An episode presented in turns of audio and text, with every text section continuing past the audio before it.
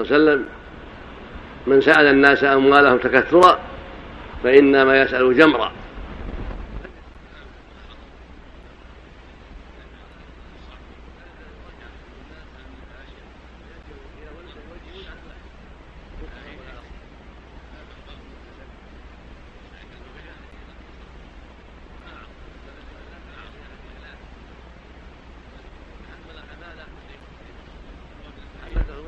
يصيبها ثم يوتي حمل في اصلاح ذات البين وفي حاجة اهله ونفقه اهله الثاني رجل جائحه انتهت ماله. كمطر وحريق وجراد وأشبه ذلك. تحلثه مسح حتى يصيب قوام من عيش أو قال سدادا من عيش حتى يصيب ما يسد حاجته. والثالث رجل أصابته فاقة. يعني يعني مسكن حاجة. حتى يقوم ثلاثة من رجال قومه يشهدون له بهذا. حتى يقول ثلاثة قد أصابت فلانا ثقة محلة المسجد حتى يصيب قواما من عيش أو قال سدادا من عيش. ثم قال صلى الله عليه وسلم وما سوى ذلك وما سوى ذلك سحت. ما سوى ذلك قبيله سحت. يأكله صاحبه سحتا. يجب الحذر. ينظر الإنسان في حاجته فينزلها على هذه الحاجات الثلاث. في حديث أبي بكر يقول صلى الله عليه وسلم ألا أنبئكم بأكبر الكبائر والوجه والمعنى الثاني في قراءه السؤال سؤال العلم. هذا المعنى الثاني. ينبغي أن المؤمن لا يسأل إلا على سبيل الطلب العلم على سبيل الفائدة لا على سبيل التعنت. وايذاء المسؤولين أو على سبيل الرياء يقول الناس إنه جيد أو إنه يفهم أو إنه قد يسأل قدر الحاجة. إن الحاجة بقصد صالح بنية صالحة لا بقصد الرياء ولا بقصد إيذاء المسؤول ولا بقصد تطلب المعضلات والأغلوطات. حتى يربك المسؤول أو يوقع الإشكال بل يسأل السؤال المستفيد طالب العلم الذي قصده الخير ليس قصده الرياء والسمعة ولا قصده إيذاء المسؤول ولا قصده إفساد المجلس بالأسئلة التي تضيع الفائدة وتضيع الوقت. أما حديث بكره الثقفي يقول صلى الله عليه وسلم ألا انبئكم بأكبر الكبائر؟ قلنا بلى يا رسول قال الاشراك بالله. وعقوق الوالدين وكان متكئا فجلس فقال ألا وقول الزور ألا وشهاده الزور. فما زال يكررها حتى قلنا ليته سكت. يبين أن أكبر كبائر الشرك بالله نعوذ بالله هو أكبر الذنوب. وهو صرف بعض العبادة لغير الله أو صرف العبادة كلها لغير الله. هذا أعظم الجرائم كدعاء الأموات والاستغاثة بالأموات وطلبهم المدد. وإن كانوا أنبياء صالحين وكسؤال الأصنام أو الجن أو الكواكب أو غير ذلك. هذا هو الشرك الأكبر المحبط للأعمال الموجب للنار نعوذ بالله. والثانية عقوق الوالدين قطيعة الوالدين بسبهما أو إيذائهما أو ضربهما أو عدم النفاق عليهما مع الحاجة ونحو ذلك. كل ما يؤذي الوالدين فهو من قطيعة من القطيعة وهو من العقوق سواء كان فعلا أو قولا. الثالثة شهادة الزور شهادة بغير حق. كررها النبي صلى الله عليه وسلم. قال ألا وشهادة الزور ألا وشهادة الزور حتى قال الصحابة إنه لا يسكت من كثرة ما كرر. في قالوا ليته سكت إشفاقا عليه وإبقاء عليه من من أن يتألم بهذا عليه الصلاة والسلام. من كثرة ما كرر التحريم من شهادة الزور. هكذا في حديث أنس الكبائر الشرك بالله وعقول الوالدين وقتل النفس. ثم قال لا وشهادة الزور ألا وشهادة الزور. هذا يبين لنا عظم خطر شهادة الزور وأنها عظيمة الإثم قبيحة العاقبة. ولهذا كررها لماذا؟ لما يترتب على شهادة الزور من المفاسد والأضرار والعواقب الوخيمة؟ معلوم أن الشرك أعظم منها وأكبر ولكن لما كان يترتب على شرور كررها تحذيرا منها. الشرك عظيم العقوق كذلك قتل النفس من أعظم الجرائم بغير حق كلها عظيمة. وهذا أمر معلوم. روحه واثمه لكن شهاده الزور قد يكون لها أسباب. قد يكون لها عداوة للمشهود عليه. قد يكون فيها طمع يعطى مال فليس بالزور لها أسباب وشرها عظيم. فلهذا كررها عليه الصلاة والسلام وأبدى فيها وأعاد. كي يحذرها المسلمون. ألا وشهادة الزور ألا شهادة الزور. فما زال يكررها يكررها حتى قلنا لا يسكت. ولو حتى قلنا ليته سكت. ليته سكت إبقاء عليه وخافت أن يشق على نفسه عليه الصلاة والسلام. قد قرنها الله بالشرك في قوله سبحانه فاجتنبوا الرجس من الأوثان واجتنبوا قول الزور فجعلها مع الشرك. فاجتنبوا الرجس من الأوثان واجتنبوا قول الزور من المصائب العظيمة كثرة وجود هذا هذه البلية في الحاضره والبادية.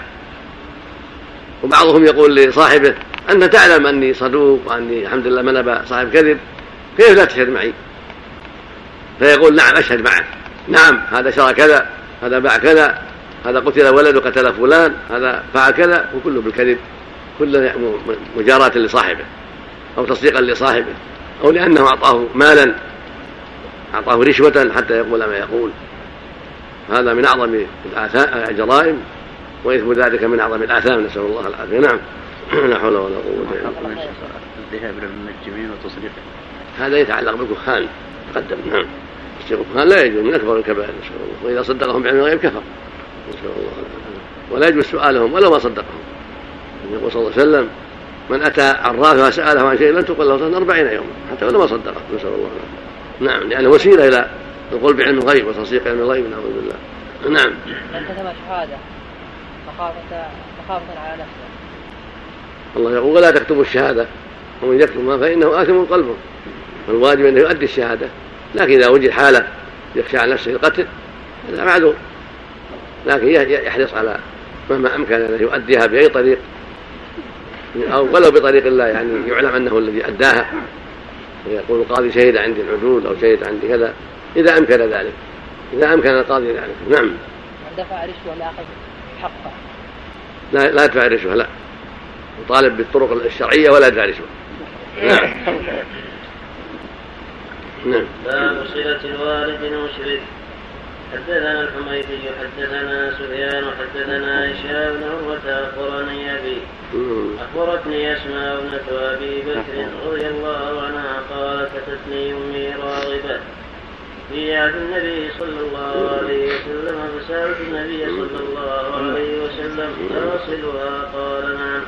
قال ابن عيينة فأنزل الله تعالى فيها.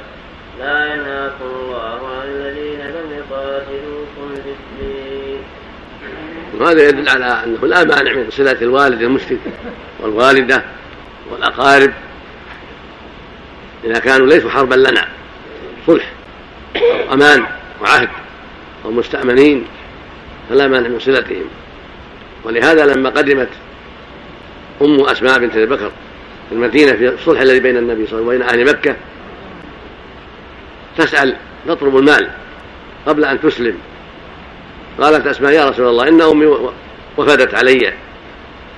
تريد المال. فهل أصلها؟ قال النبي صليها اللهم صل وسلم. يعني يحسني إليها. وهذا من أسباب دخولها في الإسلام. كون الوالد يوصل ويحسن إليه أو الأقارب. من أسباب دخوله في الإسلام. ولهذا جعل الله للمؤلفة قلوبهم حقا في الزكاة وفي بيت المال. فيكون الانسان يصل أباه أو أمه أو أخاه في حال الهدنه بينه وبين المشركين في حال الأمان والعهد لا في حال الحرب. لا بأس لأن هذا قد يكون سببا لإسلامهم. قال سفيان بن عيينة رحمه الله وأنزل الله في ذلك قوله تعالى لا ينهاكم الله عن الذين لم يقاتلوا في الدين ولم يخرجوكم من دياركم أن تبروهم وتقسطوا إليهم. إن الله يحب المقسطين. الذين ما قاتلونا بل بيننا وبينهم صلح أو عهد أو أمان لا مانع أن نصلهم ونحسن إليهم ولا سيما عند الرغبة في إسلامهم وعند رجاء إسلامهم هذا يكون آكل. نعم. باب صلة المرأة أمها ولها زوج. وقال الليث حدثني هشام عن عروة عن أسماء قالت قدمت أمي وهي مشركة في عهد قريش. ومدتهم إذ عاهدوا النبي صلى الله عليه وسلم مع أبيها.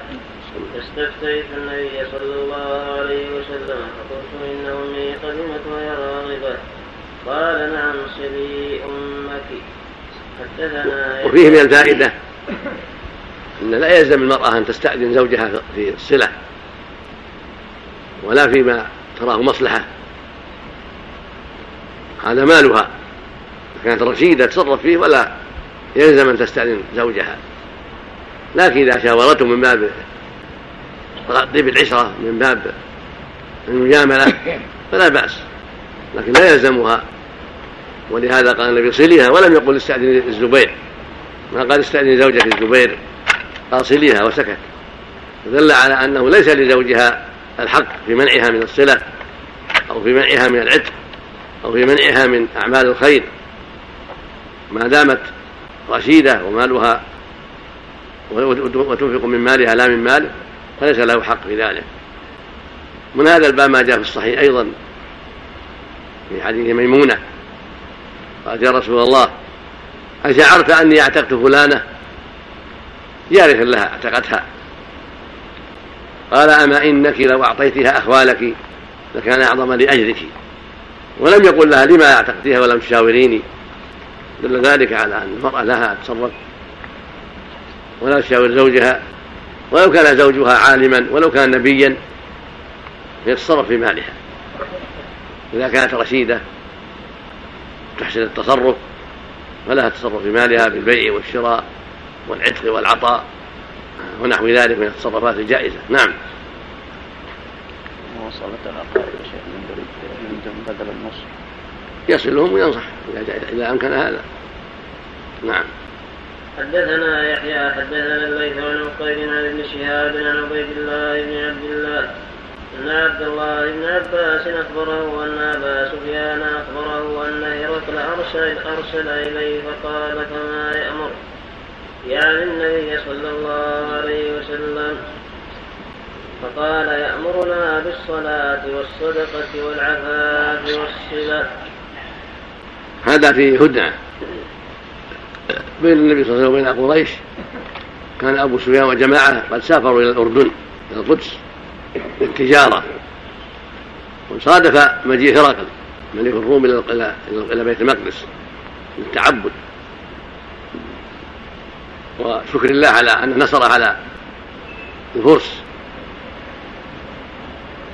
فقيل له إن هنا وفدا من بلاد التي التي فيها دعوى النبوة من مكة.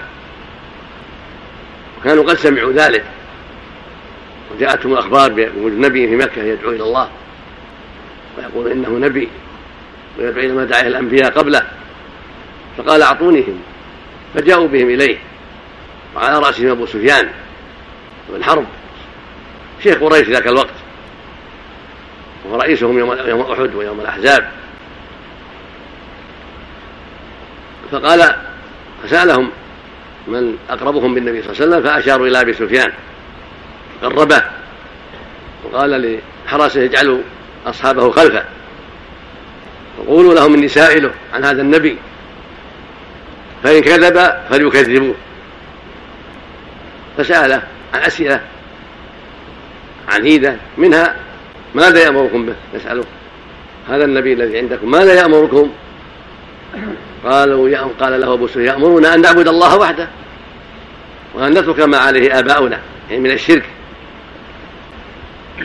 قال ويأمرنا بالصلاة والصلة والصدقة والعفاف يأمر بالصلاة بعدما فرض الله الصلاة وكان هذا في وقت الهدى يأمر بالصلاة والصدقة والصلة صلة الرحم والعفاف عن الفواحش. كل هذه الأشياء من مكارم الأخلاق يعرفونها يعرفها هرقل وأشباه نعم. هذا يدل على أن كان يأمرهم بهذه الأمور عليه الصلاة والسلام. فلما استكمل الأسئلة قال إن كان كما قلت لا يملك موضع قدمي هاتين ولو قدرت أن أصل إليه لغسلت عن قدمي وأمر بأن يقرأ الكتاب الذي بعث به النبي صلى الله عليه وسلم هرقل وأمر بالقوم فقرأ الكتاب ودعاهم دعا هرقل قومه إلى أن يسلموا ويقبلوا هذا الدين وأنه يثبت ملكهم لهم ويدخلوا في هذا الدين فحاصوا حصة الحمر الوحش واستنكروا ذلك ونفروا. فلما رأى نفرتهم أمر بالأبواب أن تغلق وأمر بإخراج الوفد. ثم قال إنما فعلت هذا ليعرف صلابتكم في دينكم وثباتكم في دينكم وتراجع عن عزمه بالدخول في هذا الدين خوفا على نفسه من أن يعزلوه.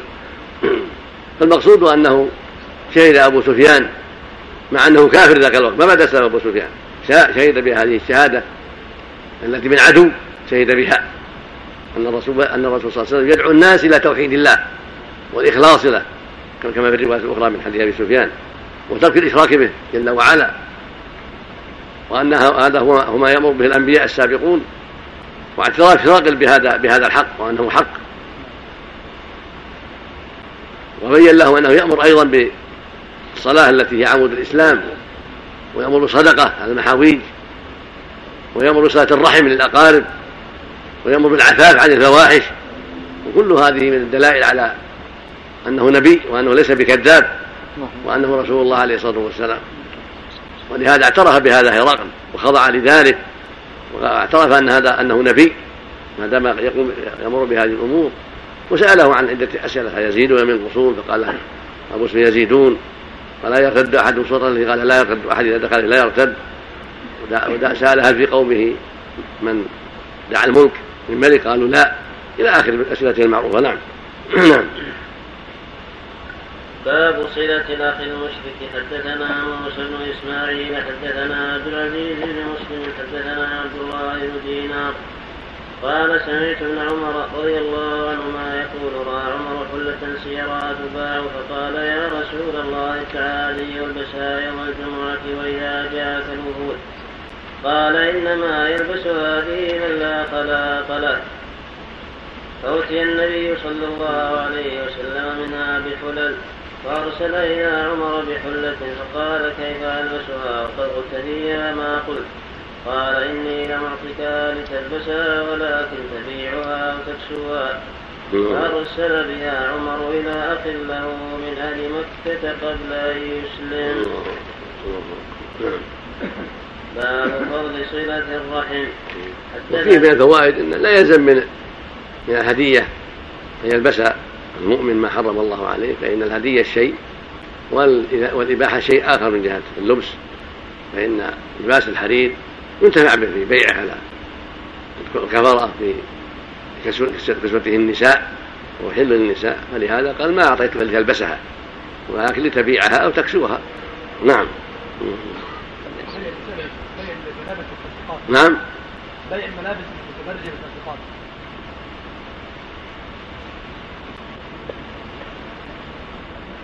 هذا يختلف. إذا كنت تعلم أن أنهن يلبسن ذلك على صفة تخالف الشرع لا تبيع عليهن. وإذا كنت لا تعلم واللباس يصلح لهذا وهذا قد يكون تحت الثياب.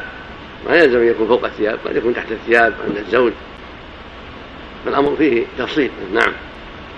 باب فضل صلة الرحم. بركة سمع اللهم صل بسم الله الرحمن الرحيم. الحسن البصري لهم عن لا لا. الحمد لله رب العالمين. والصلاة والسلام على نبينا محمد وعلى آله وصحبه أجمعين.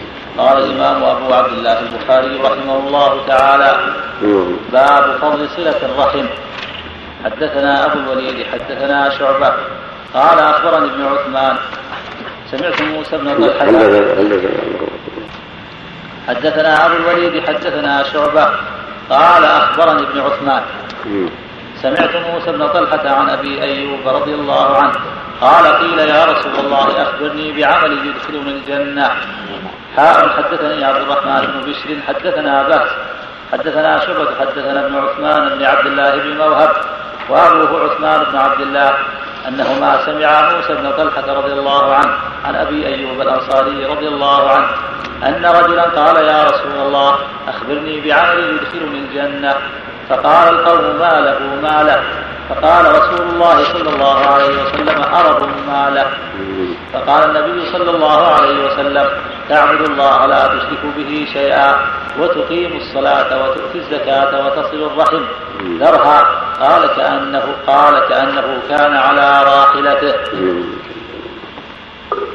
وهذا يدل على صلة الرحم من جملة الأعمال التي وعد الله عليها الجنة ولهذا جاء في الحديث الصحيح لا يدخل الجنة قاطع رحم.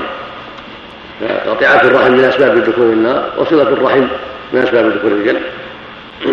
والرحم هي القرابة وصلتها الإحسان إليها بالكلام والمال التوجيه والإرشاد وسائر وجوه الخير.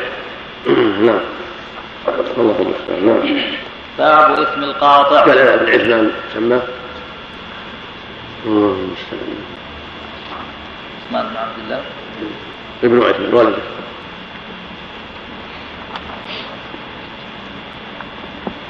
عندنا قال نعم. محمد بن عثمان.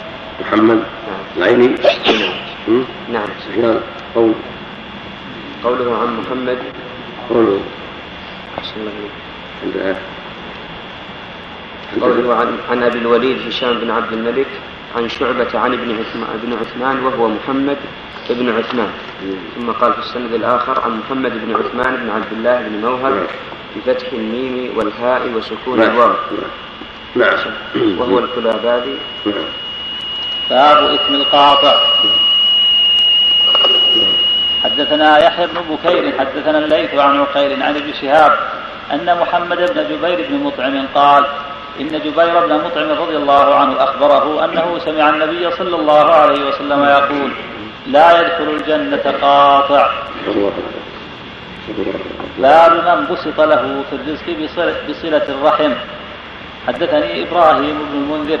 حدثنا محمد بن معن قال حدثني أبي عن سعيد بن أبي سعيد عن أبي هريرة رضي الله عنه. قال سمعت رسول الله صلى الله عليه وسلم يقول من سره أن يبسط له في رزقه وأن ينسأ له في أثره فليصل رحمه. أنس. أنس. عن أبي هريرة. نعم. ذكر حسن الله قال سمعت. عن ابن عثمان قيل اسمه عمرو. ذكر عن الكلاباذي قال هو عمرو بن عثمان ووهم شعبة في اسمه فقال محمد وقال البخاري بعد روايته لهذا الحديث في أول الزكاة أخشى أن يكون محمد غير محفوظ إنما هو عمرو. والحديث مر في الزكاة نعم. حدثني يحيى بن بكير حدثنا الليث عن عقيل عن ابن شهاب. قال أخبرني أنس بن مالك رضي الله عنه أن رسول الله صلى الله عليه وسلم قال عن أبي هريرة الأول عن أبي هريرة. عن أبي هريرة رضي الله عنه قال سمعت رسول الله صلى الله عليه وسلم يقول من سره أن يبسط له في رزقه وأن ينسأ له في أثره فليصل رحمه.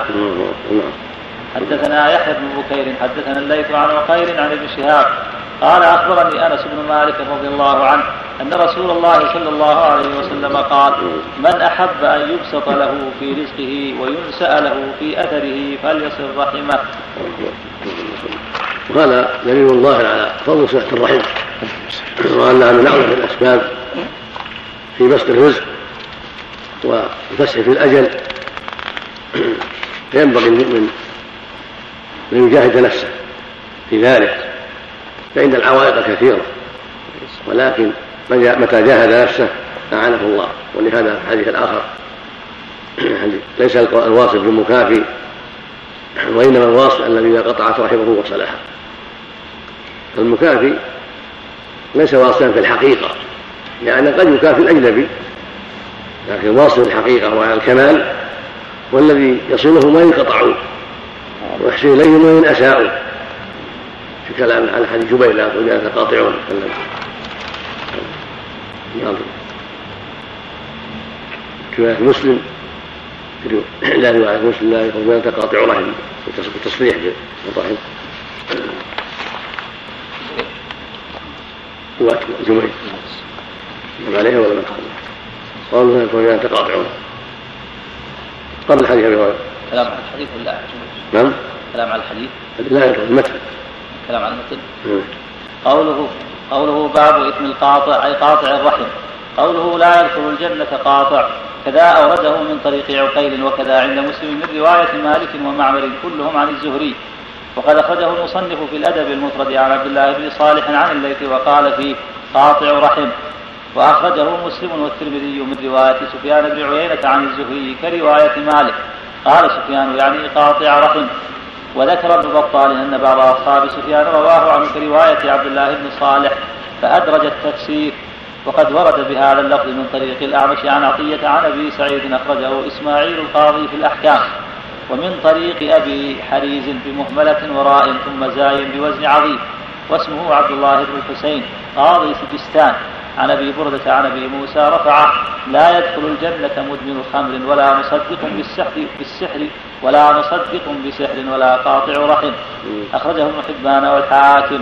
ولأبي داود من حديث أبي بكرة رفعه ما من ذنب أجدر أن يعجل الله لصاحبه العقوبة في الدنيا. ولأبي داود. ولأبي داود من حديث أبي بكرة رفعه ما من ذنب أجدر أن يعجل الله لصاحبه العقوبة في الدنيا مع ما, يد... مع... مع ما يدخر له في الآخرة من البغي وقطيعة الرحم. وللمصنف في الأدب المفرد من حديث أبي هريرة رفع إن أعمال بني آدم تعرض كل عشية خميس ليلة جمعة فلا يقبل عمل قاطع رحم. وللطبراني من حديث ابن مسعود إن أبواب السماء مغلقة دون قاطع الرحم. وللمصنف في الأدب المفرد من حديث ابن أبي أوفى رفعه إن, إن الرحمة لا تنزل على قوم فيهم قاطع الرحم. وذكر الطيبي أنه يحتمل أن يراد بالقوم الذين يساعدونه على قطيعة الرحم. نعم نعم صلى الله عليه وسلم لا ينكرون عليه. لا حول ولا قوة هذا وجهه وذكر الطيبي وذكر الطيبي. وذكر الطيبي أنه أنه يحتمل أن يراد بالقوم الذين يساعدونه على قطيعة الرحم ولا ينكرون عليه يعني ينصح ينصح الخبر نعم ويحتمل أن يراد بالرحمة المطر وأنه يحبس عن الناس عموما بشؤم التقاطع حسبنا الله نعم نعم باب من وصل وصله الله رواية لا لا الرحمن قول في قاطع رواية من؟ طبراني ولا خير على خير قبل الطيبي كلمة قبل كلمة الطيبي وللطبراني وللمصنف في الأدب المفرد. طيب. وللمصنف في الأدب المفرد من حديث ابن أبي أوفى رفع إن الرحمة لا تنزل على قوم فيهم قاطع الرحم.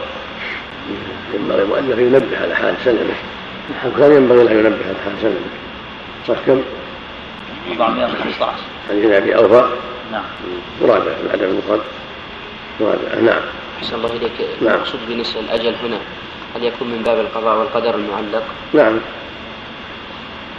قضاء قضاء قضاء معلق على أسباب يقع عند أسبابه ويرتفع عند أسباب. وقضاء مفرد لا بد من وقوعه. نعم. نعم. مبرم الذي لم يعلق بالسبب هو معلق بالسبب نعم.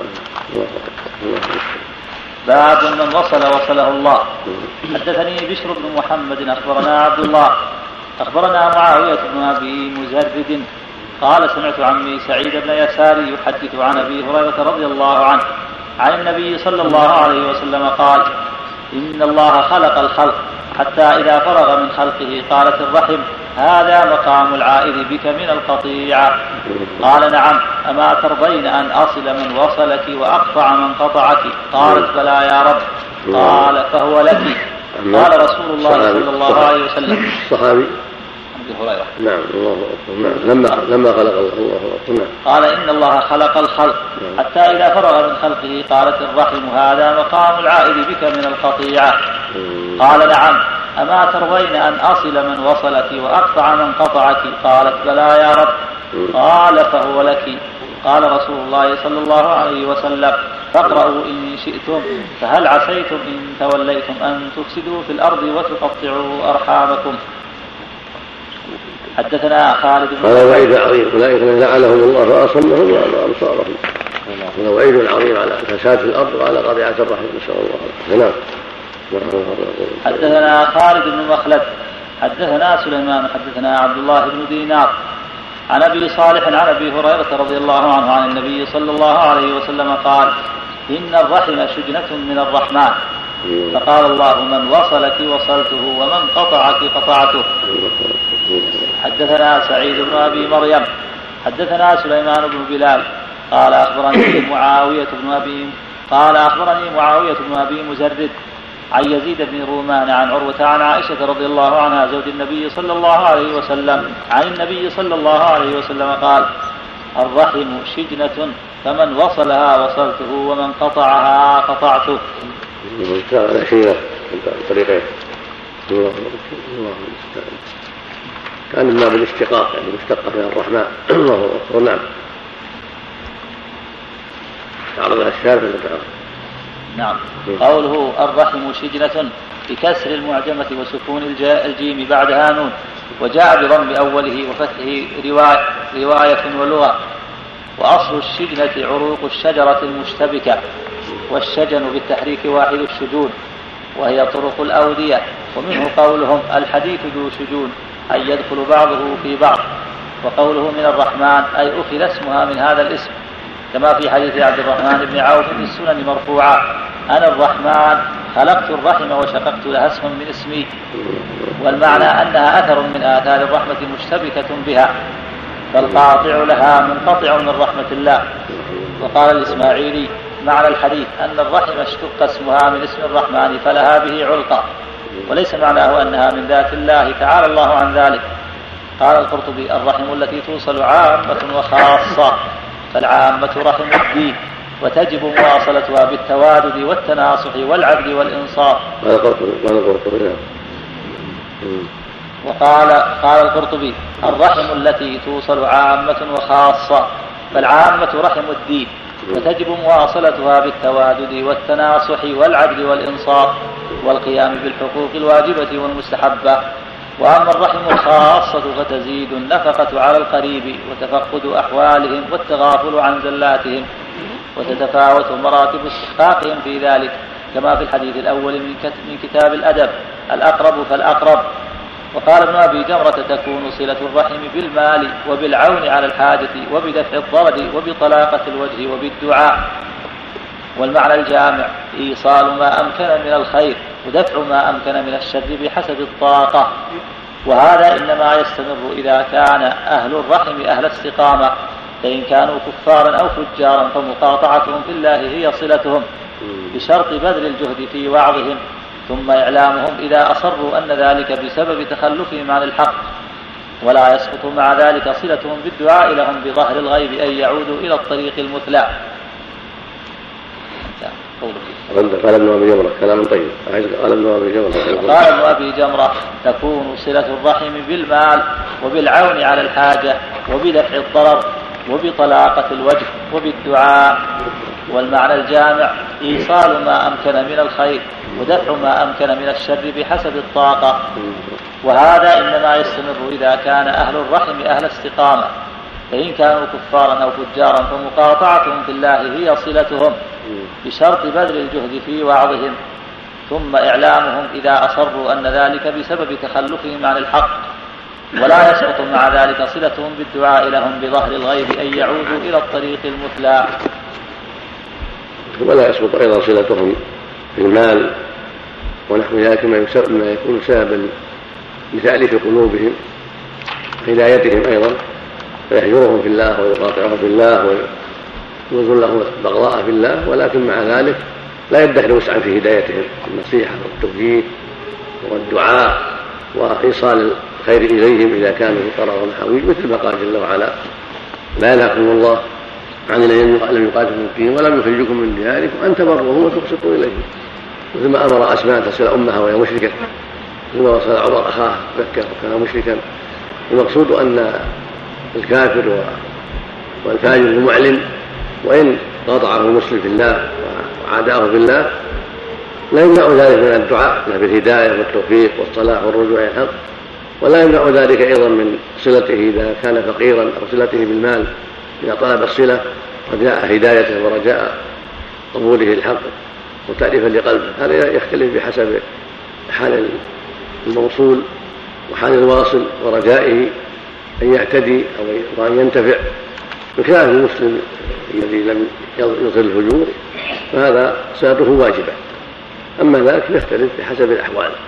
إذا رجي إسلامه ورجيت هدايته فلا مانع مع الدعاء من صلته بالمال وتأليفه بالمال لعله يرجع إلى الصواب. ولهذا جعل الله في الزكاة وفي بيت المال حقا للمؤلف قلوبهم وهم كفار. نعم. صلى الله إليك إذا أعطي مثلا مثل هذا الفجار وغيرهم بعض من المال قد يستعمل نعم. قد يستعمل بعض هذا المال في دخان أو معصية أو غيره. قد يستعمله فيما أكبر من الدخان قد يستعمله في الشرك. قد يستعمله فيما هو أكبر. لكن انت عليك الاجتهاد والتحري أسباب الخير. أسماء أمرها النبي أن تصل أمها وهي مشركة. وقد تستعين بهذا ما على ما لا يرضى ما لا يرضاه الله. نعم. نعم. الله والله قال أن تبروهم وتقسطوا إليهم من غير النظر إلى أعمالهم التي قد تصرف فيها الأموال. ولا يكون التعاون معهم. لا لا لا صاروا بحرب ولا لا. لكن حربي لا يعطى شيء لا قليل ولا كثير. حربي لا يعطى ولا قرش واحد ما يعطى شيء. يعني هذا الله على المسلمين فيكون ردة عن الإسلام.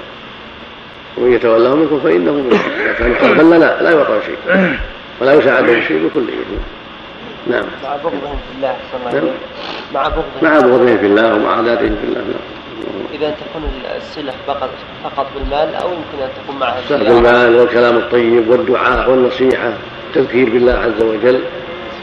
نحو ذلك. نعم. قال كلام من أبي جمرة نعم. ولا مقتدر لا يزال يستمر الخير لهم دعاء ان الله يهديهم. إذا رسول الله لم إن دوسا قد عصت قال اللهم أنت دوسا به هداهم الله. نعم. كلام من ابي جمره رضي الله عنه قاطعهم في التساوي التساوي في الإثم؟ لا يدخل الجنة. قاطع الرحم مصدق بالسحر شهر وخمس لا ما يلزم التساوي. يعني الوعيد يختلف. أقول الوعيد يختلف. المعاصي تختلف. نسال الله. كلام من أبي جمرة رضي الله. نعم. يفيد كلام من أبي جمرة معناه إذا كان قرن تجارا لا يصل. قاطع نعم. ذكر بس الدعاء. لكن آه، فاته بعض الشيء. كلامه طيب لكن فاته انه قد أنه قال لا مانع من أن يوصلوا بالمال أيضا إذا رجع إسلامهم أو رجع أو كفوا شرهم. نعم. لا بأس. اما الزيارة لا يزار الا المؤلفه نعم. الزيارة لا يزار إلا إذا كان لمصلحة. طلب الهداية. مثل ما زار النبي أبا طالب نعم عمه ودعاه إلى الله. مثل ما زار الغلام اليهودي كان يخدمه. هداه الله بأسبابه لما كان مريضا. يعني يكون الهجر يعني يتحرى الخير يتحرى الأمر الإسلامي. هو مو بلاجل مجرد القراءة بل بجل مقاصد اسلاميه إما لطلب هدايته لعله يهتدي في هذه الحال مثل ما زار النبي أبا طالب وزاد خادمه المريض. وإما لأمر آخر وهو كف الشر دفع الشر عن المسلمين. المؤلف قد يكون شرير قد يكون خبيث قد يكون يسعى في منظرة المسلمين.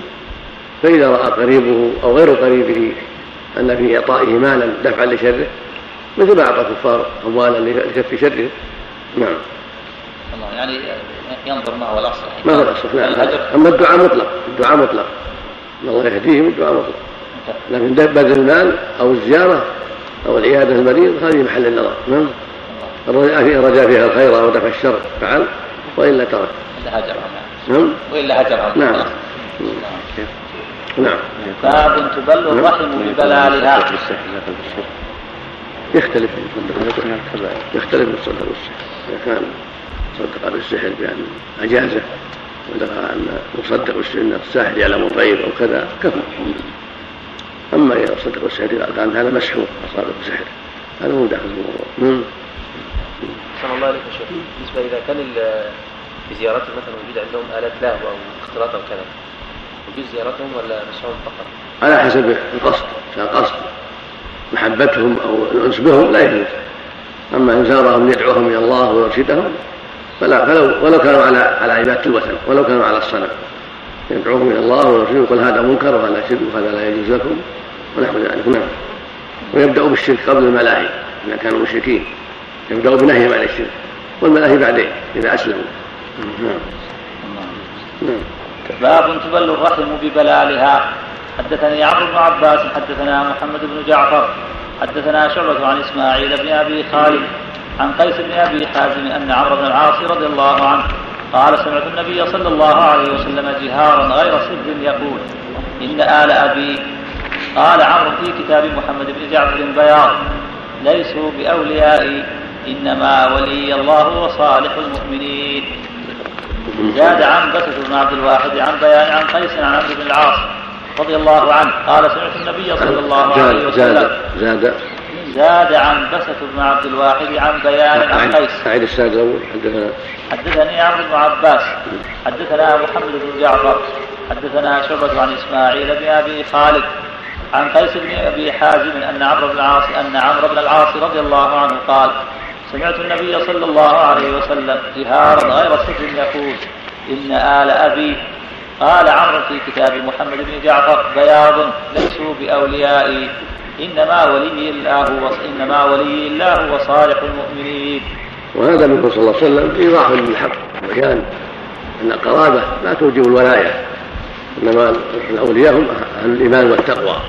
ولهذا قال إن آل أبي فلان يعني آل مثل بني مخزوم أو آل بني كذا أو آل بني كذا ليسوا باولياء من أجل النسب. إنما ولي الله هو صالح المؤمنين. هذا يدل على أن المؤمن وإن كان من أبعد الناس نسبا ودارا فهو وليك وقريبك الكافر وإن كان أبا أو أما أو أخا أو عما ليس بولي وإن قربت داره وقرب نسبه.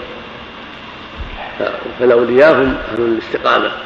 ولهذا قال تعالى والمؤمنون والمؤمنات بعضهم أولياء بعض. سواء كانوا عربا أو عجما بيضا أو سودا من الشرق أو الغرب أو الجنوب أو الشمال يجمعهم الإيمان. والمؤمنون والمؤمنات بعضهم أولياء بعض. قال تعالى والذين كفروا بعضهم أولياء بعض. من أي من أي جنس كان قال على إن آل أبي سقط كلمة وإن آل أبي.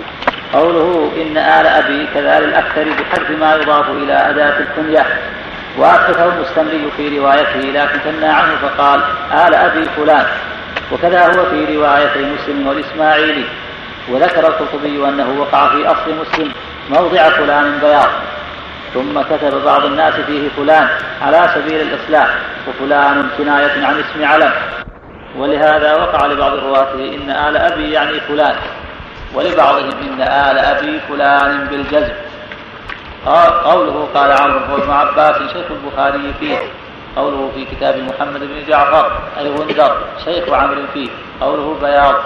قال عبد الحق في كتاب الجمع بين وكان من باب الستر كان وقع من الرواة من باب الستر عليهم لأنهم مضى أمرهم فأحبوا أن يستروا عليهم وألا يذكروهم لأنهم أسلموا دخلوا في دين الله أو لأسباب أخرى. نعم. قوله بياض قال عبد الحق في كتاب الجمع بين الصحيحين إن الصواب في ضبط هذه الكلمة بالرفض أي وقع في كتاب محمد بن جعفر موضع أبيض يعني بغير بغير كتابة. وفهم منه بعضهم أنه الاسم المكنى عنه في الرواية فقرأه بالجر على أنه في كتاب محمد بن جعفر إن آل أبي بياض وهو فهم سيء ممن فهمه. لأنه لا يعرف في العربية قبيلة يقال لها آل أبي بياض فضلا عن قريش. وسياق الحديث مشعر بأنهم من قبيلة النبي صلى الله عليه وسلم وهي قريش.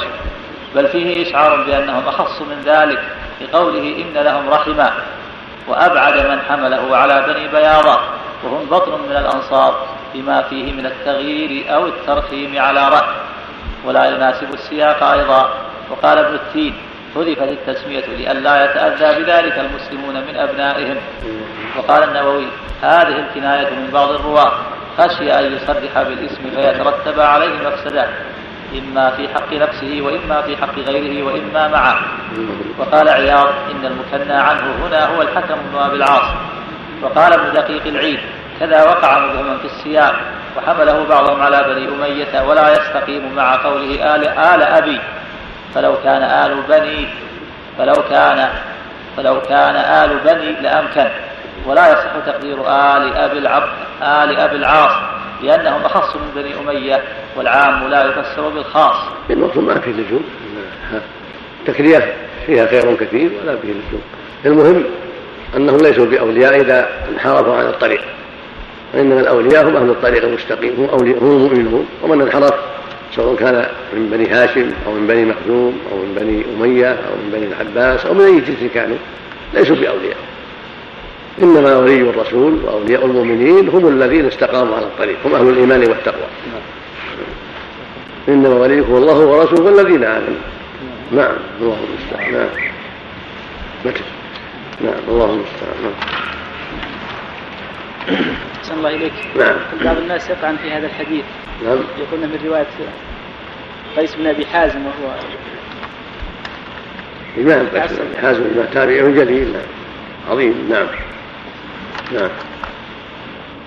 أن عمرو بن العاص لا رضي كل الله عنه وما كل طعام يترك إليه. نعم. نعم. قال سمعت النبي صلى الله عليه وسلم جهارا غير سر يقول إن آل أبي قال عمرو في كتاب محمد بن جعفر بياض ليسوا بأوليائي. إنما ولي الله وصالح المؤمنين. زاد عن بسة بن عبد الواحد عن بيان عن قيد وقال ابن دقيق العيد كذا وقع مبهما في السياق وحمله بعضهم على بني أمية ولا يستقيم مع قوله آل, آل أبي. فلو كان آل بني فلو كان فلو كان آل بني لأمكن. ولا يصح تقدير آل أبي العبد آل أبي العاص. لأنهم أخص من بني أمية والعام لا يفسر بالخاص. المقصود ما في لزوم تكريه فيها خير كثير ولا فيه لزوم المهم أنهم ليسوا بأولياء إذا انحرفوا عن الطريق. وإنما الأولياء هم أهل الطريق المستقيم هم أولياء هم المؤمنون. ومن انحرف سواء كان من بني هاشم أو من بني مخزوم أو من بني أمية أو من بني العباس أو من أي جنس كانوا ليسوا بأولياء. إنما ولي الرسول وأولياء المؤمنين هم الذين استقاموا على الطريق هم أهل الإيمان والتقوى. إنما وليكم الله ورسوله والذين آمنوا. نعم الله المستعان نعم. نعم الله المستعان نعم. أحسن الله إليك. نعم. بعض الناس يطعن في هذا الحديث. نعم. يقولون من رواية قيس بن أبي حازم وهو إمام بس حازم إمام تابعي جليل نعم عظيم نعم. نعم. أن عمرو بن العاص لا رضي الله عنه له كل طعام يترك إليه. نعم. نعم. قال سمعت النبي صلى الله عليه وسلم جهارا غير سر يقول إن آل أبي قال عمرو في كتاب محمد بن جعفر بياض ليسوا بأوليائي إنما ولي الله وصالح المؤمنين. زاد عن بسة بن عبد الواحد عن بيان عن قيس عن عمرو بن العاص رضي الله عنه. قال سمعت النبي صلى الله عليه وسلم ولكن لهم رحم أبلها ببلالها يعني أصلها بصلتها. يعني وإن كانوا ليسوا أولياء فلهم رحم. وهذا يبين ما تقدم أن أن الكفر والمعصية لا تمنع من الصلة التي توجه فيها الخير. ولهذا قال لكن لهم رحما سأبلها ببلالها يعني سأصلها بصلتها. وأحسن إليهم من هذه الرحم ولا شك أن هذا الإحسان مما يجره من الإسلام ومما يدفعه من الإسلام. ويقولون مع كوننا على ليس لسنا على دينه رحمنا ووصلنا وأحسن إلينا هذا من باب التأليف من باب المؤلف قلوبهم. ولهذا قال إلا أن لهم رحما سأبلها ببلادها يعني سأصلها بصلتها ولا أنساهم وإن كانوا عادوا كفروا. نعم. اللهم المستعان باب ليس الواصل بالمكافئ. حدثنا محمد بن كثير أخبرنا سفيان عن الأعمش والحسن بن عمرو وفطر وفطر عن مجاهد عن عبد الله بن عمرو قال سفيان لم يرفعه الأعمش إلى النبي صلى الله عليه وسلم.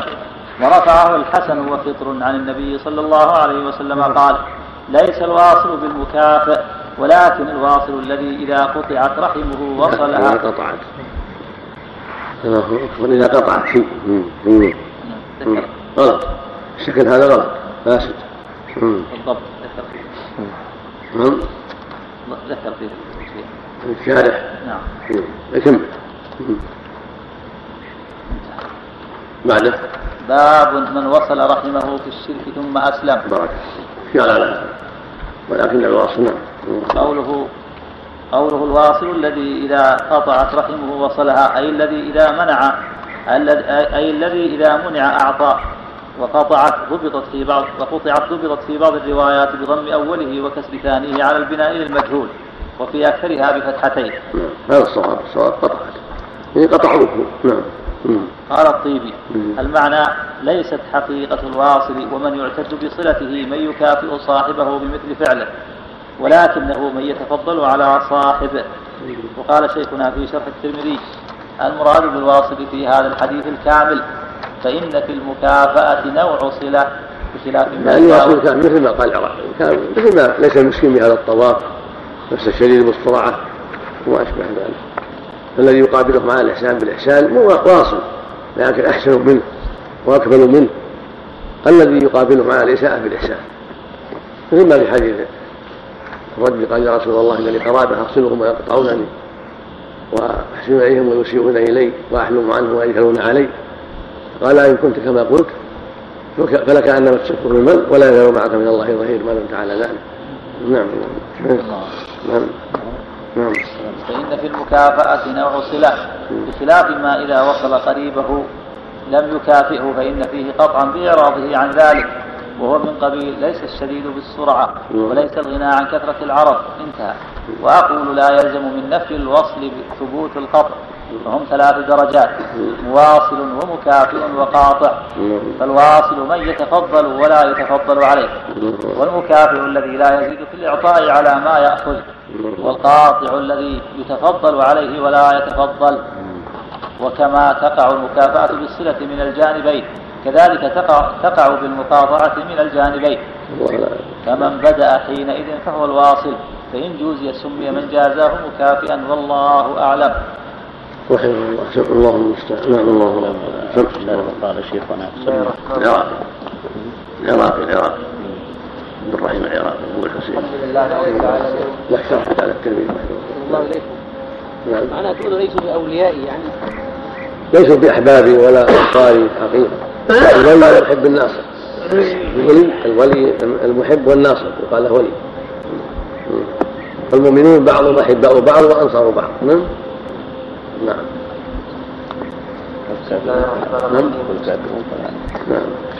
بسم الله الرحمن الرحيم الحمد لله رب العالمين. والصلاة والسلام على نبينا محمد وعلى آله وصحبه أجمعين.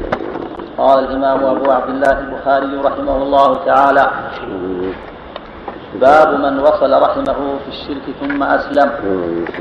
حدثنا أبو اليمان أخبرنا شعيب عن الزهري قال أخبرني الباب اللي قبل هذا؟ الباب اللي قبل هذا الباب؟ نعم. باب ليس الوصف نعم نعم نعم. نعم. حدثنا أبو اليمان أخبرنا شعيب عن الزهري قال أخبرني عروة بن الزبير أن حكيم بن حزام أخبره أنه قال يا رسول الله أرأيت أمورا كنت أتحنث بها في الجاهلية من صلة وعتاقة وصدقة هل كان لي فيها من أجر؟ قال حكيم قال رسول الله صلى الله عليه وسلم أسلمت على ما سلف من خير. ويقال أيضا عن أبي اليمان أتحنث. وقال معمر وصالح وابن المسافر أتحنث.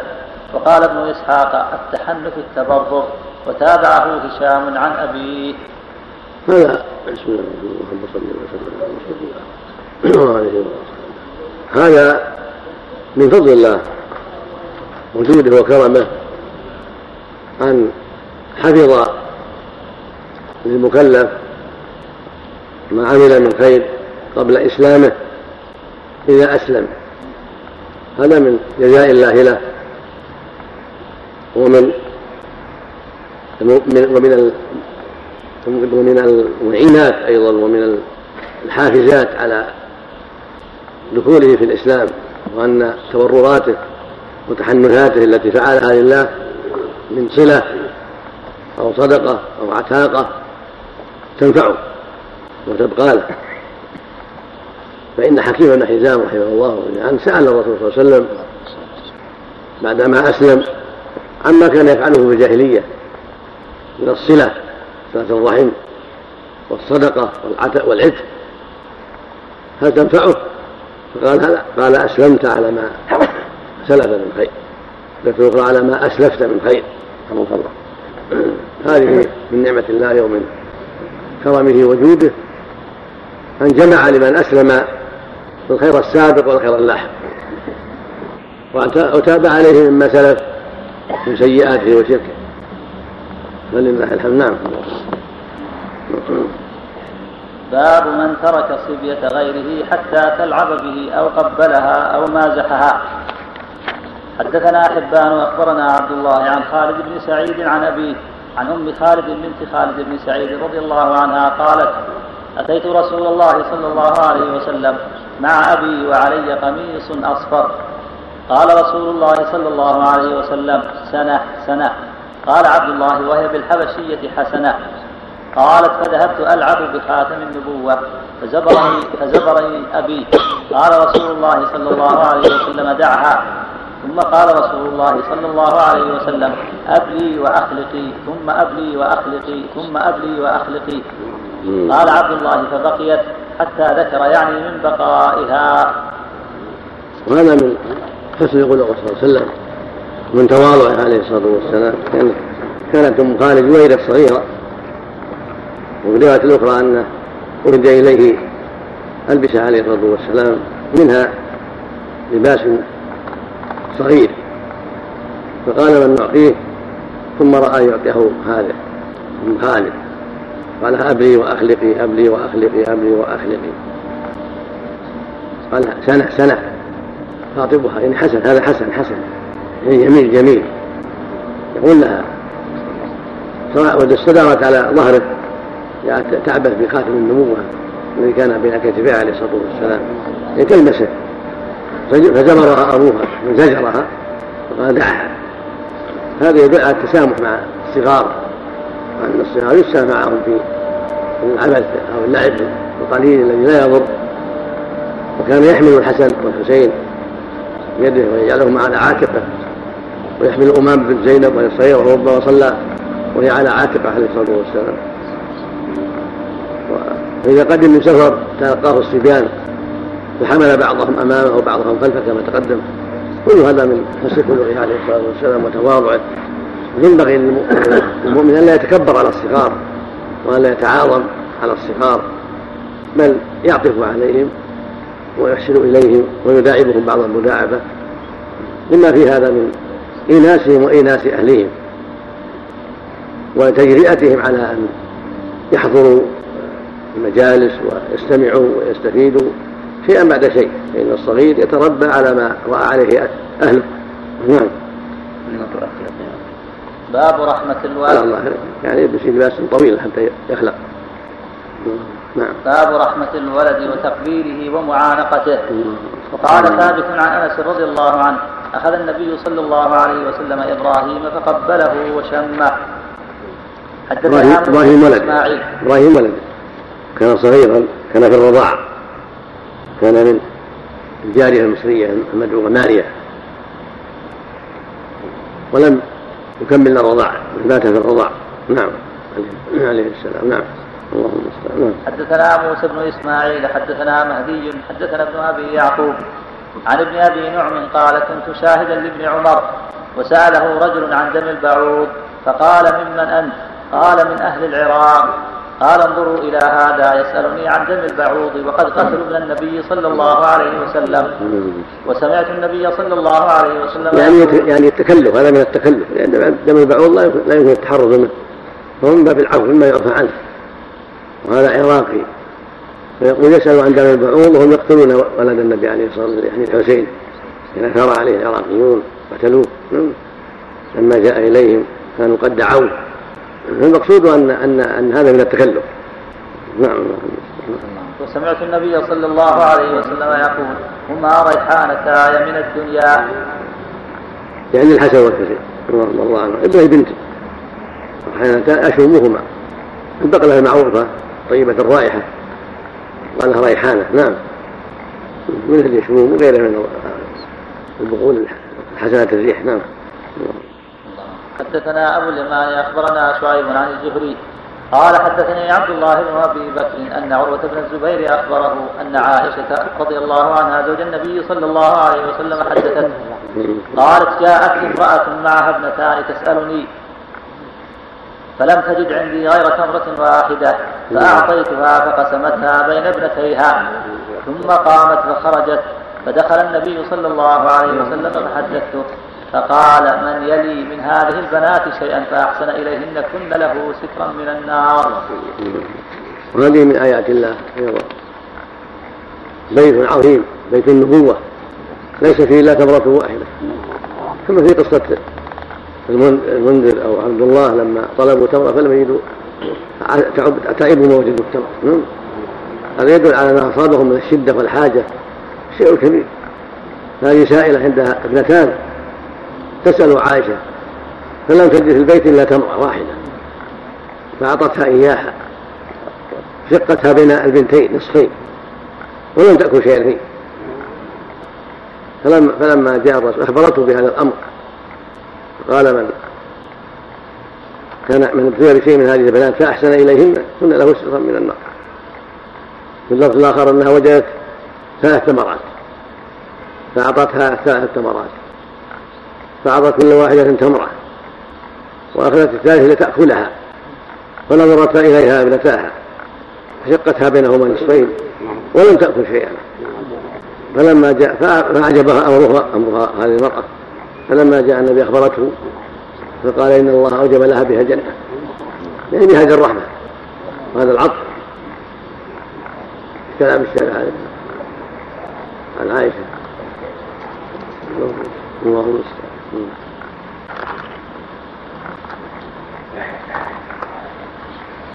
قوله جاءت جاءت امرأة ومعها بنتان.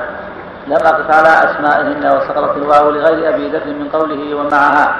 وكذا هو في رواية ابن المبارك قوله فلم تجد عندي غير تمرة واحدة. فأعطيتها فقسمتها بين ابنتيها. زاد معمر ولم تأكل منها شيئا. قوله ثم قامت فخرجت فدخل النبي صلى الله عليه وسلم فحدثته هكذا في هكذا في رواية عروة. ووقع في رواية عراق بن مالك عن عائشة رضي الله عنها. جاءتني مسكينة تحمل ابنتين لها فأطعمتها ثلاث تمرات فأعطت كل واحدة منهن تمرة ورفعت تمرة إلى فيها لتأكلها فاستطعمتها ابنتاها فشقت التمرة التي كانت تريد أن تأكلها فأعجبني شأنها الحديث أخرجه مسلم وللطبراني من حديث الحسن بن علي نحوه ويمكن الجمع بأن مرادها بقولها في حديث عروة فلم تجد عندي غير تمرة واحدة أي أخصها بها. ويحتمل, ويحتمل أنها لم يكن عندها في أول الحال سوى واحدة فأعطتها ثم وجدت ثم وجدت ثنتين ويحتمل تعدد القصة. قوله من يلي من هذه البنات شيئا كذا للأكثر بتحتانية مفتوحة أوله مفتوحة أوله. يلي. من الولاية نعم من من الولاية نعم. الكشميهني بموحدة مضمومة من البلاء. في رواية الكشميهني أيضا بشيء وقواه عياض وأيده برواية شعيب بلفظ من ابتلي وكذا وقع في رواية معمر عند الترمذي. فاختلف في المراد بالابتلاء هل هو نفس وجودهن أو أو ابتلي بما يصدر منهن؟ وكذا هو على العموم في البنات أو المراد من اتصف منهن بالحاجة إلى ما يفعل به. واختلف في المراد بالابتلاء. لا يكفي نعم. نعم. الله المستعان نعم. يكون عام صلى الله عليه الله أكبر. نعم. يقول يكون عام ابتلاء على ظاهره لأن كونه يرزق بنات هذا ابتلاء وامتحان. يعني من عادة الناس الرغبه في الذكور. يعني ابتلي بهن فهم بالاختبار. هل يشكر الله على هذه النعمة؟ وهل يحسن إليهن؟ فكم من بنت خير من ولد من ذكر. كم من بنت أصلح من ذكر وأنفع. فمن ابتلي بهن فأحسن إليهن وشكر الله على ذلك. كان هذا من أسباب دخوله الجنة ونجاته من النار. ومن كفر النعمة و, و... ساءت أخلاقه معهن ورأى أنه منفوس الحظ أو مظلوم أو كذا ساءت حاله نعوذ بالله.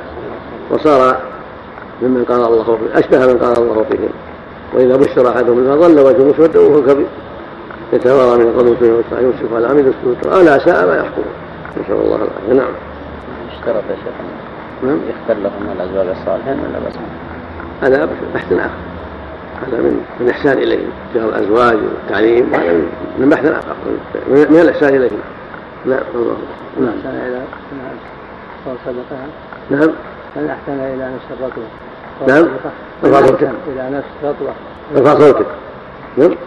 من أحسن. إيه. نفس رطبة فله صدقة. لفظ الحديث كل كبد الرطبة فيها أجر. كل كبد الرطبة فيها أجر. يعني غير حتى من غير بني آدم. نعم. يعني حدثنا أبو الوليد كبد الرطبة مثل كلب يعطيه مثل هر مثل الأشباه. نعم. نعم. حدثنا أبو الوليد حدثنا لكن بني آدم أعظم الصدقة فيهم أعظم وأكبر. نعم. من الخشاش هذا. نعم. أظن من الخشاش في البيوت هذه كذلك إذا الإنسان يوجد لا ماء ولا شيء ولا شيء ينفعه نعم نعم حدثنا أبو الوليد حدثنا الليث حدثنا سعيد المقبري حدثنا عمرو بن سليم حدثنا أبو قتادة. قال خرج علينا النبي صلى الله عليه وسلم وأمامة بنت أبي العاص على عاتقه فصلى فإذا ركع وضعها وإذا رفع وإذا رفع رفعها. حدثنا أبو اليمان أخبرنا شعيب عن الزهري حدثنا أبو سلمة بن عبد الرحمن أن أبا هريرة رضي الله عنه قال قبل رسول الله صلى الله عليه وسلم الحسن بن علي وعنده الأقرع بن حابس التميمي جالسا فقال الأقرع إن لي عشرة من الولد ما قبلت منهم أحدا. فنظر إليه رسول الله صلى الله عليه وسلم ثم قال من لا يرحم لا يرحم. حدثنا محمد بن يوسف. حدثنا سفيان عن هشام عن عروة عن عائشة رضي الله عنها قالت جاء أعرابي إلى النبي صلى الله عليه وسلم فقال تقبلون الصبيان فما نقبلهم؟ فقال النبي صلى الله عليه وسلم أو أملك لك أن نزع الله من قلبك الرحمة؟ حدثنا ابن أبي مريم حدثنا أبو غسان. قال حدثني زيد بن أسلم عن أبيه عن عمر بن الخطاب رضي الله عنه. حدثنا ابن أبي مريم حدثنا أبو غسان. حدثنا أبو غسان قال حدثني زيد بن أسلم عن أبيه عن عمر بن الخطاب رضي الله عنه. قال قدم على النبي صلى الله عليه وسلم سبي. فإذا امرأة من السبي تحلب ثديها تسقي. إذا وجدت صبيا في السبي أخذته فألصقته ببطنها وأرضعته. فقال لنا, فقال لنا النبي صلى الله عليه وسلم أترون هذه طارحة ولدها في النار؟ قلنا لا وهي تقدر على أن لا تطرحا فقال لله أرحم بعباده من هذه بولدها.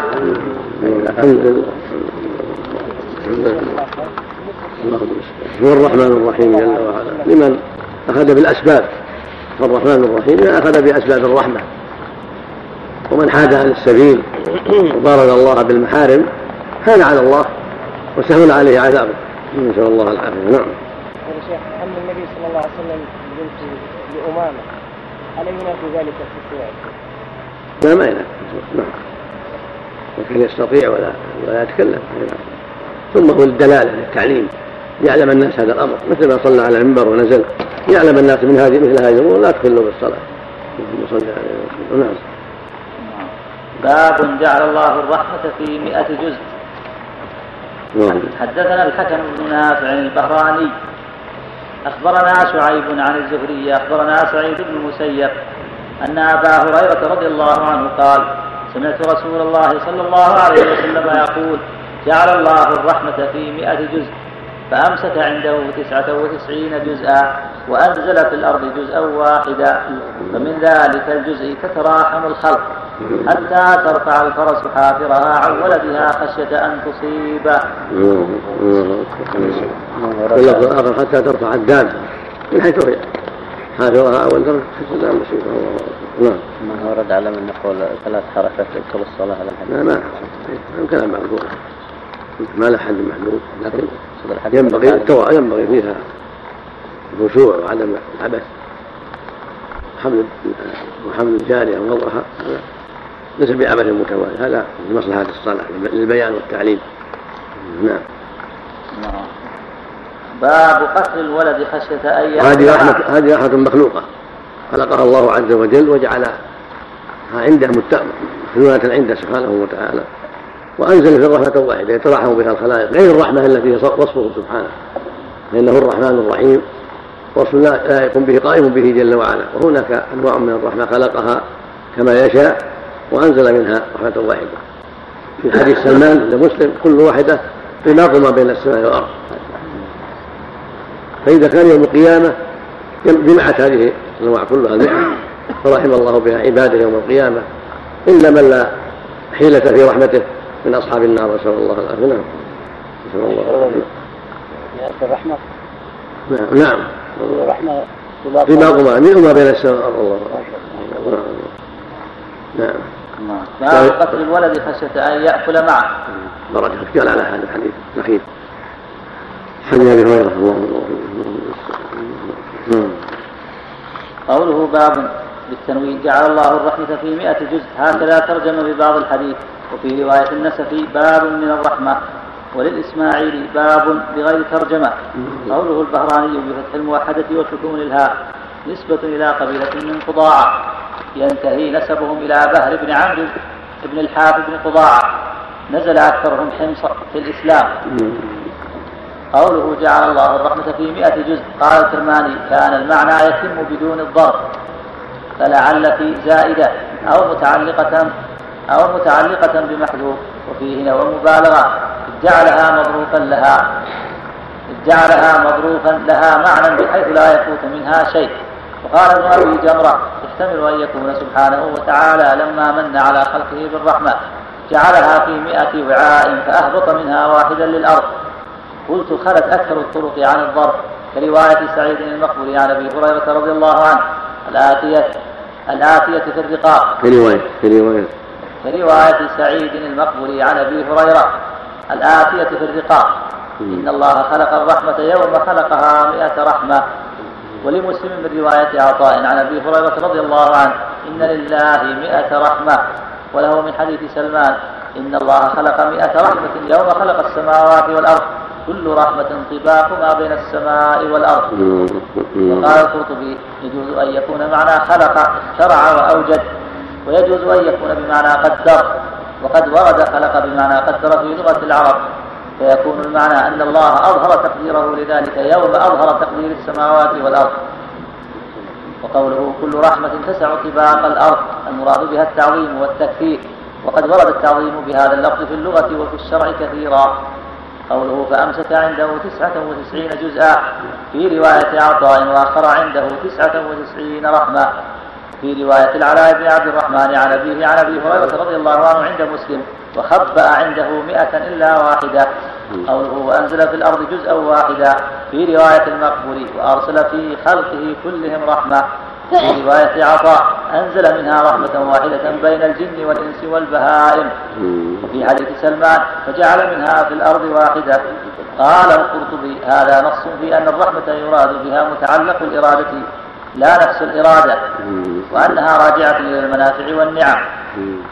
قوله فمن ذلك جزء تتراحم الخلق حتى ترفع الفرس حافرها عن ولدها خشية أن تصيبه في رواية عطاء فبها يتعاطفون وبها يتراحمون وبها تعطف الوحش على ولدها.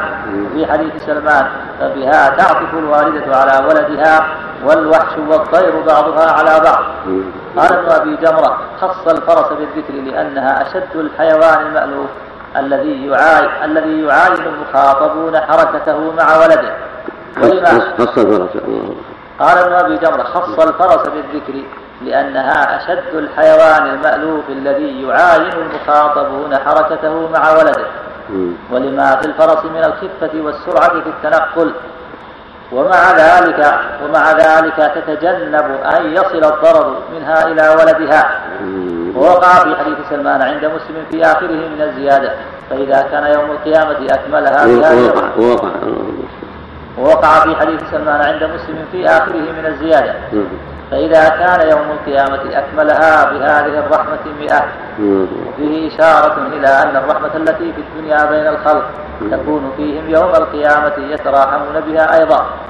وصرح بذلك المهلب فقال الرحمة التي خلقها الله لعباده وجعلها في نفوسهم في الدنيا هي التي يتغافرون بها يوم القيامة التبعات بينهم. قال ويجوز أن يستعمل الله تلك الرحمة قال ويجوز أن يستعمل الله تلك الرحمة تلك الرحمة فيهم فيرحمهم بها سوى رحمته التي وسعت كل شيء. وهي التي من صفة ذاته ولم يزل موصوفا بها وهي التي يرحمهم بها زائدا على الرحمة التي خلقهم لها. قال ويجوز التي التي خلقها لهم؟ زائدا على الرحمة التي خلقها لهم. نعم. قال ويجوز أن تكون الرحمة التي أمسكها عند نفسه. هي التي عند ملائكته المستغفرين لمن في الأرض لأن استغفارهم لهم دال على أن في نفوسهم الرحمة لأهل الأرض. قلت وحاصل كلامه أن الرحمة رحمتان رحمة من صفة الذات وهي لا تتعدد ورحمة من صفة الفعل وهي المشار إليها هنا. ولكن ليس فيه شيء من طرق الحديث أن التي عند الله رحمة واحدة بل اتفقت جميع الطرق على أن عنده تسعة وتسعين رحمة. وزاد في حديث سلمان أنه يكملها يوم القيامة مئة بالرحمة التي في الدنيا فتعدد الرحمة بالنسبة للخلق وقال القرطبي مقتضى هذا الحديث أن الله علم أن أنواع النعم التي ينعم بها على خلقه مئة نوع فأنعم عليهم في هذه الدنيا بنوع واحد انتظمت به مصالحهم وحصلت به مرافقهم فإذا كان يوم القيامة كمل لعباده المؤمنين ما بقي فبلغت مئة وكلها للمؤمنين فبلغت مئة وكلها للمؤمنين. وإليه الإشارة بقوله تعالى وكان بالمؤمنين رحيما. فإن رحيما من أبنية المبالغة التي لا شيء فوقها. ويفهم من هذا أن الكفار لا يبقى لهم حظ من الرحمة. لا من جنس رحمات الدنيا ولا من غيرها. إذا كمل كل ما كان في علم الله من الرحمات للمؤمنين.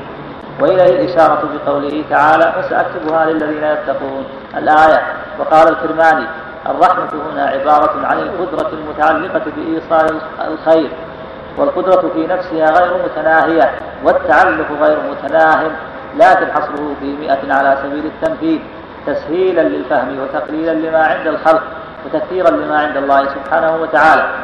وأما مناسبة هذا العدد الخاص فحكى القرطبي عن بعض الشراح أن هذا العدد الخاص أطلق لإرادة التكثير والمبالغة فيه. وتعقبه بأنه لم تدري عادة العرب بذلك في المئة وإنما جرى في السبعين. كذا قال. وقال, وقال ابن أبي جمرة ثبت أن نار الآخرة ثبت أن نار الآخرة تفضل نار الدنيا بتسع بتسع وستين جزءا. تسع؟ بتسع وستين جزءا. نعم. فإذا قوبل كل جزء كل جزء برحمة زالت الرحمات ثلاثين جزءا. فيؤخذ منه أن الرحمة في الآخرة أكثر من النقمة فيها. ويؤيده قوله غلبت رحمتي غضبي. قلت لكن تبقى مناسبة خصوص هذا العدد لكن قلت. لكن تبقى مناسبة خصوص هذا العدد. فيحتمل أن تكون مناسبة هذا العدد الخاص لكونه مثل عدد درج الجنة. والجنة هي محل الرحمة. فكان كل رحمة في إجزاء درجة. وقد ثبت أنه لا يدخل أحد من الجنة إلا برحمة الله تعالى.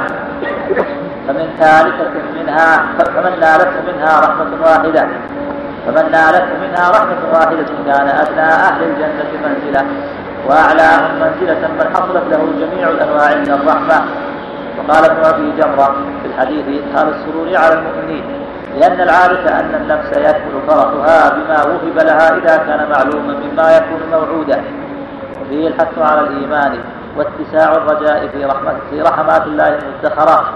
قلت وقد وقع في آخر حديث سعيد المقبول في الرقاق فلو يعلم الكافر بكل ما عند الله من الرحمة لم ييأس من الجنة. وأخرجه مسلم من طريق العلاء بن عبد الرحمن عن أبيه عن أبي هريرة رضي الله عنه. ويأتي شرحه هناك إن شاء الله تعالى. الله أكبر في الكلام هذا باب يتعلق بإبراهيم وغلبة إبراهيم باب اللهم المستعان شيخ نعم. مو مع الحديث الناس مع من سبعين جزء. جزء من سبعين جزءا من نار جهنم فضلت عليها بالساعة 60 إن شاء الله. يقول هذه الرحلة. قوله وقال ثابت عن أنس رضي الله عنه أخذ النبي صلى باب الله عليه باب وسلم. باب نعم. قوله باب رحمة الولد. وقبلته ومعانقته. قال ابن بطال يجوز تقبيل معنى قال ثابت عن انس اخذ أخذ النبي صلى الله عليه وسلم إبراهيم فقبله وشمله وقال منه ثابت وقال ثابت عن أنس رضي الله عنه نعم. أخذ النبي صلى الله عليه وسلم إبراهيم فقبله وشمه. سقط هذا التعليق لأبي ذر عن عن غير تشميهني مم. وقد وصله المؤلف في الجنائز من طريق قريش بن حبان من طريق قريش بن حبان.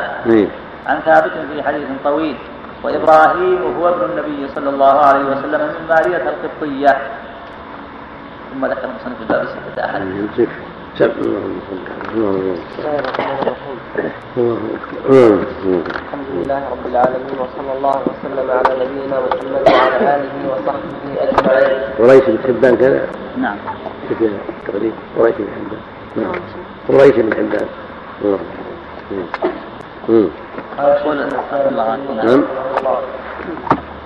يقول من ال- الذي نقل عن المؤلف إن الرحمة رحمتان رحمة من صفة الذات وهي لا تتعدد ورحمة من صفة الفعل وهي المشار اليها هذا يعني مستقيم لأن الرحمة فاتها رحمة صفة ذات هي مخلوقة.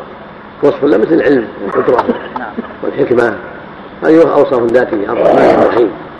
وصفة ورحمة نوع ثاني خلقها جل وعلا جعلها من من نوع المخلوقات يرحم بها عبادة. أنزل منها رحمة واحدة منها حصل لهم ما حصل من التعاطف والتراحم والتعاون وما حصل لهم من الأكل من المآكل والمشارب والمساكن والهواء والماء. كل هذه من رحمته سبحانه وتعالى. هذه المخلوقة الرحمن مخلوق نعم. وهي من آثار رحمته التي هي وصفه سبحانه وتعالى. تقسيمه من صفة الذات ومن صفة الفعل الرحمة المخلوقة من صفة الفعل. يعني كالخلق. كالخلق. يعني ما يريد الوصف يقصد يعني أنه وصف نشأ عن عن فعله عن إيجاده سبحانه وتعالى. كما أوجد الخلق. الخلق وصف فعل الخلق والعطاء من الأوصاف الفعلية. يعني والرحمة القائمة به وصف ذاتي قائم بالله. نعم. كالعلم وصف ذاتي والقدرة وصف ذاتي. نعم. مستقيم هذا التقسيم. لا بأس. صفة الذات لا الفعل شيء نعم. بعضهم بدق ويقول إن الضابط ما كان بالاختيار والمشيئة فهذه وصف فعل وما كان لا يتعلق به المشيئة فهذه يقال لها وصف الذات وصف ذاتي والرحمة المخلوقة نشأت عن المشيئة. نعم. الوصف الذاتي الذي قائم به سبحانه هو الوصف الذاتي كالعلم. هذا تعلق بالمشيئة كالعلم والقدرة والوجه واليد. وأشبه ذلك من أوصاف ذاتية ملازمة. نعم. نعم. هذا قريش. نعم. قريش بن حيان بالياء. بالياء حيان. نعم. قريش بن حيان العجلي أبو بكر البصري ثقة من السابع. البخاري والنسائي وأبو داود. ما ضبط حيان بس بالنقط نعم. قريش بن حيان العجلي نعم. مين؟ أبو بكر البصري ثقة من السابع. البخاري والنسائي وأبو داود. نعم. نعم. الله إليك. قول الكرماني أن الرحمة هي القدرة المتعلقة بإيصال الخير. نعم. قول الكرماني أن الرحمة هي القدرة المتعلقة بإيصال الخير. يعني قدرة خاصة. قدرة خاصة. غير القدرة العامة. يعني وصف يقدر به على الإحسان? غير غير قدرة الوصف الذي يحصل به الانتقام. والقدرة تعم هذا وهذا. فالقدرة الخاصة اللي يحصل بها الإحسان هي غير القدرة التي بها الانتقام. القدرة بها الانتقام ناشئة عن غضبه وسخطه عليهم وفعلهم القبيح. والقدرة التي بها إحسانه ورحمته ناشئة عن فعلهم الطيب وأعمالهم الطيبة أو عن مجرد جوده وكرمه كما يرحم الكفار في الدنيا. فيعطيهم ما يعطيهم من الدنيا ومن المآكل والمشارب والمتع الدنيوية والدول وغير ذلك. يعني ناشئة كلها عن القدرة الانتقام والإحسان كلها عن القدرة قدرته عامة وهو يعني نوع نوع تفصيل من القدرة. نعم. قول القرطبي طويل هذه الخيرات والرحمة. هذه منها هذه منها. هذه من الرحمة المخلوقة. بصرك هذا من الرحمة المخلوقة. يدك اللي تحركها من الرحمة المخلوقة. وهكذا أكلك وشربك. هكذا أولادك. إذا أصلحهم الله من الرحمة. نعم. نعم.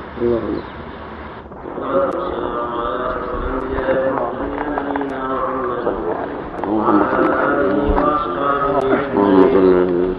قال الإمام البخاري رحمه الله تعالى باب قتل الولد خشية أن يأكل معه حدثنا محمد بن كثير أخبرنا سفيان عن منصور عن أبي وائل عن عمرو بن شرحبيل عن عمرو بن شرحبيل عن عبد الله قال قلت يا رسول الله أي الذنب يا رب؟ قال أن تجعل لله ندا وخلقت قلت ثم أي قال أن تقتل ولدك خشية أن يأكل معك.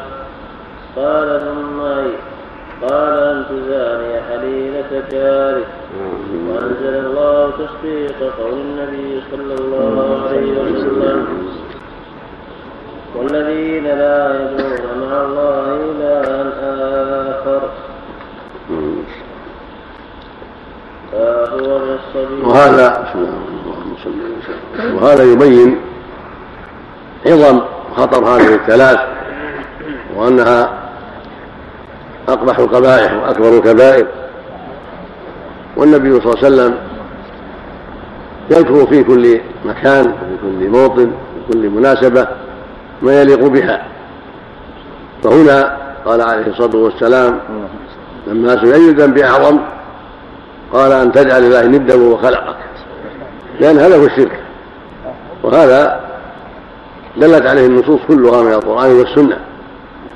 وأجمع على ذلك أهل العلم أن أعظم الذنوب وأكبرها وأشدها إثما هو الشرك بالله عز وجل. فهو أعظم الذنوب وأعظم الجرائم ومن مات عليه فلا مغفرة له ولا سعادة. بل هو مخلد في النار وحابط الأعمال وميؤوس من المغفرة له.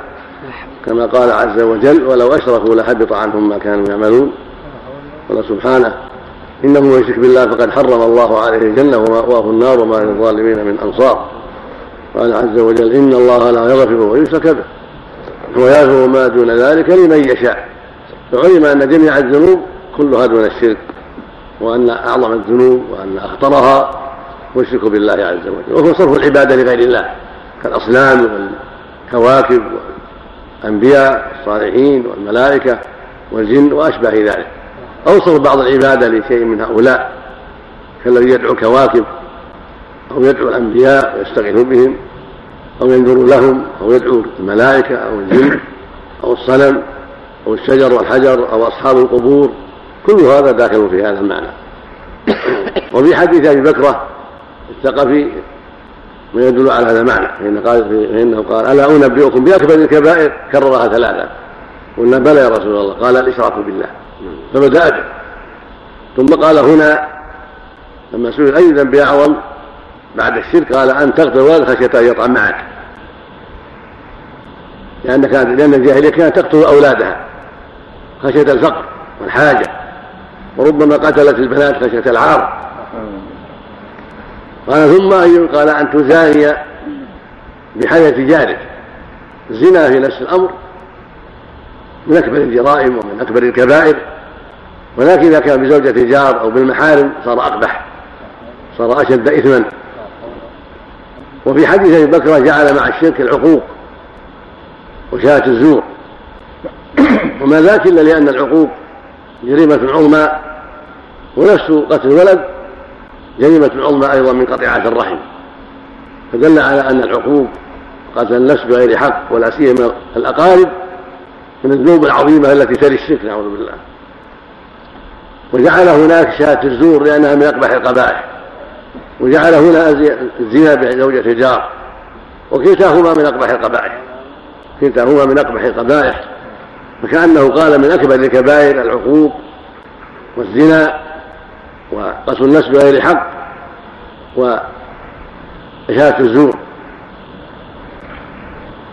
وفي أحاديث أخرى ذكر اليمين الغموس وما ذاك إلا لأنها خبيثة تقطع بها تقتطع بها الأموال بغير حق فجعلها مع قتل النفس وجعلها مع العقوق وجعلها مع شهادة الزور. لعظم جريمتها.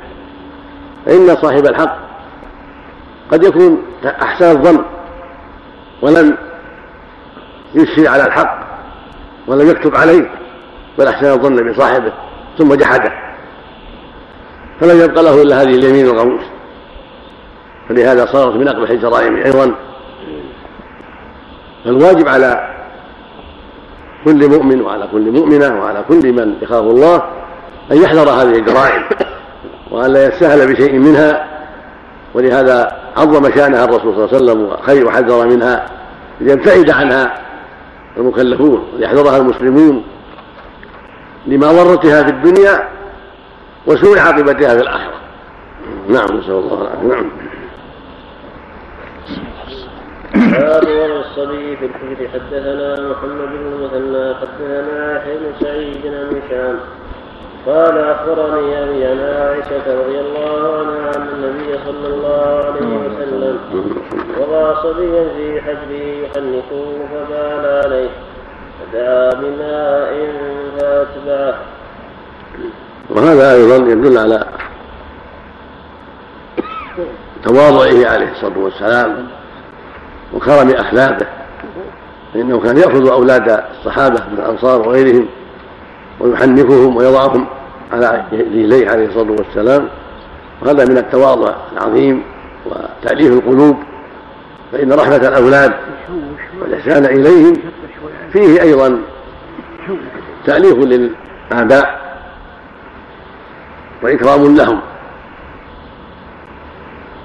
وفيه أن البول بول الصبي الصغير الذي الذي لم يأكل الطعام يعني لم يتغذى بالطعام خفيف النجاسة. نجاسته مخففة يكفي فيها الرش والنضح وإساءة الماء من دون حاجة إلى عصر ولا دلك. بل متى نضحه بالماء ما أصاب ثوب أو البدن منه كفى نعم. باب وضع الصبي على الفخذ حدثني عبد الله بن محمد حدثنا عالم حدثنا وسمعت سليمان يحدث عن أبيه. قال سمعت أبا تميمة يحدث عن ابي